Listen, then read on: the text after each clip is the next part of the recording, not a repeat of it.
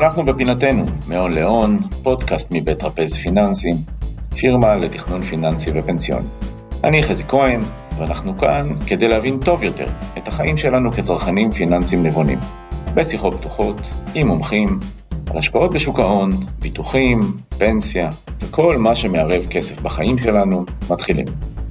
אז היום, כשאנחנו נמצאים ככה בתחילת חודש ינואר שנת 2023, אה, רציתי קצת אה, לדבר איתכם ולהעלות ככה אולי לסוג של דיון על מה בעצם קרה בשנת 2022 ואיך ה-2023 אולי הולכת להיראות, מה הולך להזיז את השווקים, מה הולך להשפיע, איך הבנקים המרכזיים רואים את הדברים, אולי גם בעיקר איך המשקיעים תופסים את המציאות עכשיו ואולי גם את המציאות העתידית.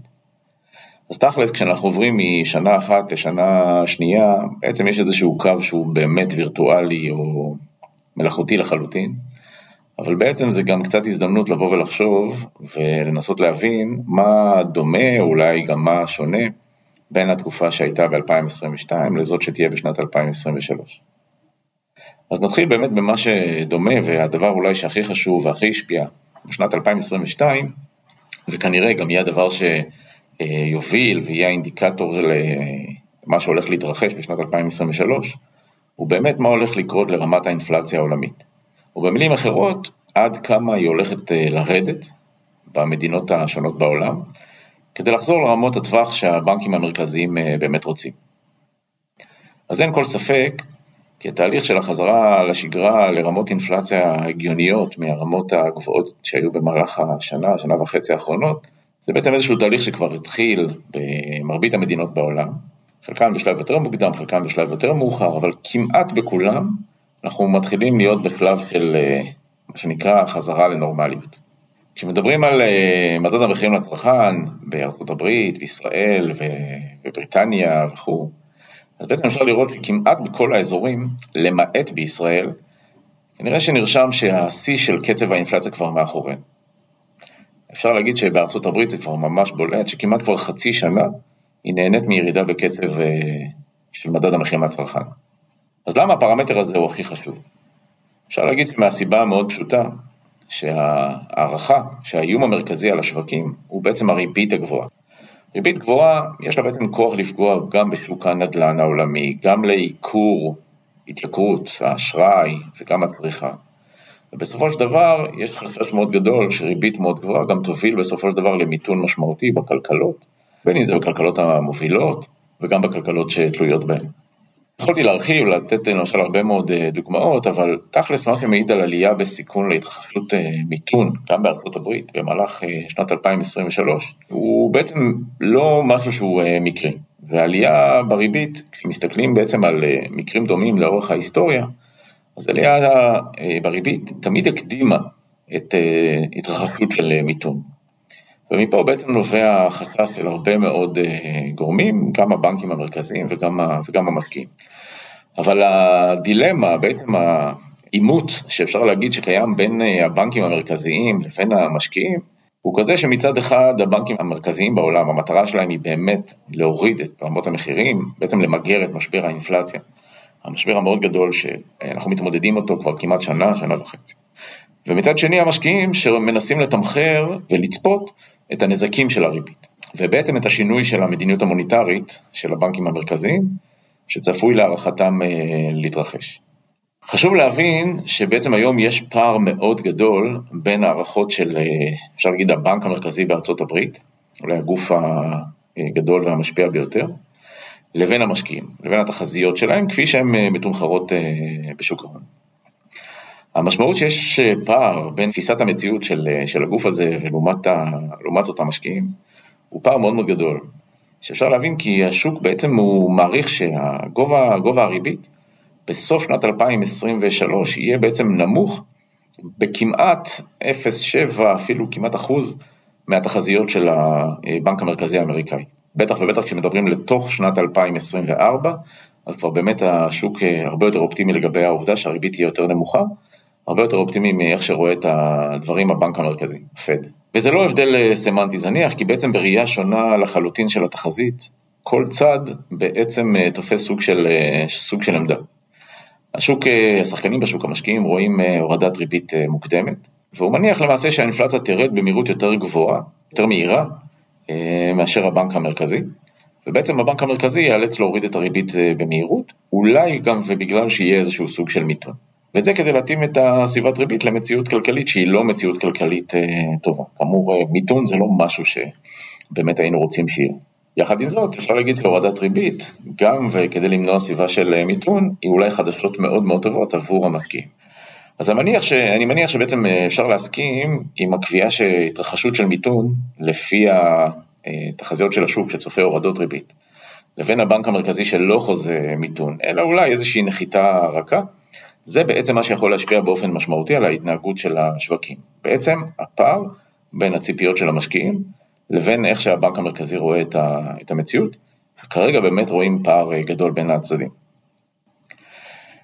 בדרך כלל, אה, במיתונים, תקופות של מיתון, חברות בארצות הברית חוו ירידה משמעותית בתוצאות של הרווחיות שלהם. מה שבעצם מעלה גם את השאלה בפני המשקיעים, מדוע אנליסטים שהיום בעצם אה, חוזים צמיחה של רווחיות אה, חיובית לחברות S&P 500, האם באמת זה גם מה שהולך להתרחש בשנת 2023? זאת אומרת, יש לנו גם עוד איזשהו אלמנט של תחזית, או אולי אה, חששות מתקופה של מיתון, ומצד שני עדיין יש תמחור של אנליסטים לצמיחה חיובית, לרווחיות של חברות, חברות מדד ה-S&P 500, גם בשנת 2023. זאת אומרת, גם פה יש פערים. אז בעצם מה שאני מנסה להגיד, שבשנת 2023, כבר בנקודת הפתיחה, יש היום בעצם איזה שהם אה, פערים בין אה, הצדדים, כשהמשקיעים כיום בעצם מניחים שאנחנו הולכים לקראת איזשהו תרחיש אופטימי, שיש לו כמה וכמה מרכיבים. אחד, זה ירידה מהירה של האינפלציה. השוק בעצם מעריך היום שבסוף 2023, אינפלציית הליבה תהיה בסך הכל 3%. אנחנו מדברים על אינפלציית הליבה בשוק האמריקאי. ושתיים, היא תהיה ירידה מהירה ברמות האינפלציה, שגם תאפשר ירידה מהירה של הריביות, מאותן אה, רמות אה, שיא שהכרנו.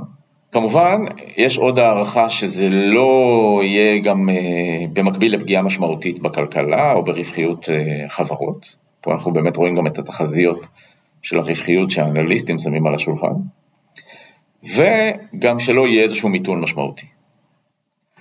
אז בסך הכל, המציאות כמו שהיא נתפסת מבחינת המשקיעים, היא נראית אה, איזשהו תרחיש אה, סביר, אולי אפילו אופטימי, לעומת המציאות שהכרנו בשנת 2022, אבל, וזה בעצם אבל מאוד מאוד גדול, יש סימן שאלה, או איזשהו ספק משמעותי, אם באמת זה גם התרחיש שיקרה בפועל, ואין ספק שפה אנחנו באמת צריכים להחזיק אה, אצבעות.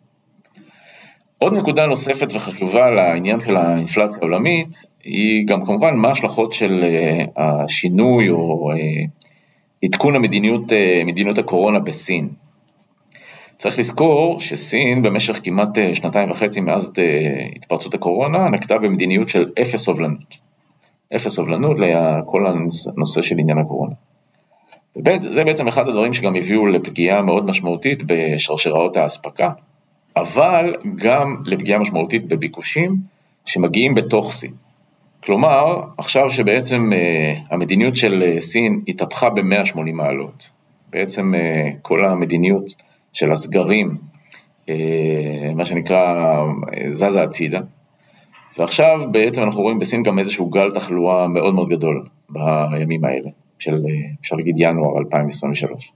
וכמו שאנחנו מכירים אפשר להגיד תרתי משמע על בשרנו, אחרי גל תחלואה כזה, בסופו של דבר גם צריך להגיע איזושהי רגיעה, אה, אולי אפשר להגיד רגיעה מבורכת, ובמקביל אליה גם איזושהי צמיחה מאוד אה, גדולה, ואולי חזרה של אה, ביקושים, כמו שראינו במדינות אחרות בעולם, ברגע שבאמת מדיניות הסגרים התחילה להצטמצם.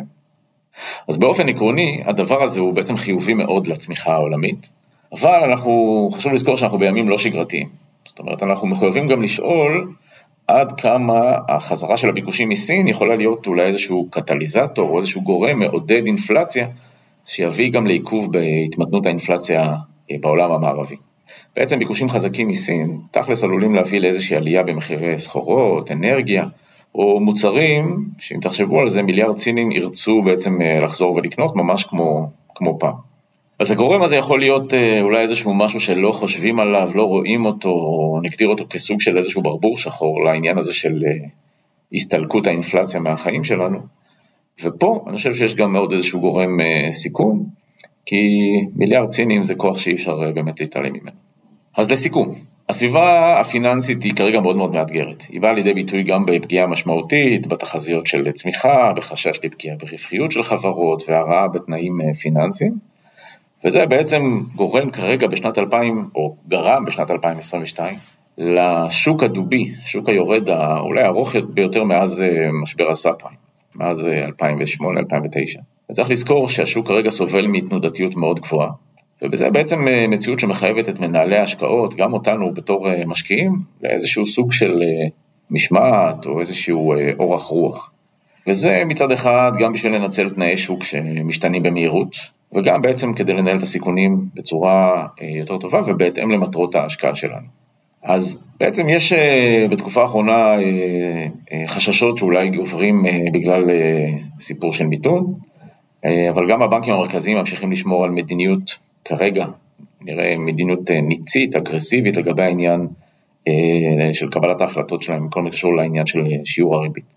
אז אפשר לבוא ולהגיד שבתקופה הזאת באמת צריך להיות קצת יותר זהיר או קצת יותר שמרן ובעיקר להיות אה, ערני, לראות איך הדברים אה, מתפתחים. אבל אין ספק שבאמת שנת 2023 צריכה לתת לנו איזושהי אה, בשורה לגבי מה שקורה עם האינפלציה המאוד גבוהה שחווינו בשנת 2022, והאם באמת בכוחם של הבנקים המרכזיים להפחית אותה בקצב מהיר, משמעותי, בחזרה לשגרה ונורמליות. ובעקבות זה כמובן גם הורדת ריבית, ולתת איזושהי רוח גבית אה, לשווקים הפיננסיים.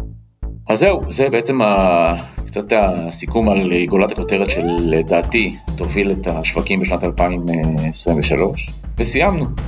עוד פרק של מאון לאון, פודקאסט מבית רפז פיננסי. אפשר למצוא אותנו באפליקציות הפודקאסטים ובדף שלנו, ותמצאו אותנו כמובן גם בקלות, בגוגל ובפייסבוק, פשוט תקלידו טרפז פיננסי. חוץ מזה, כבר סיפרתם לחברים שלכם עלינו?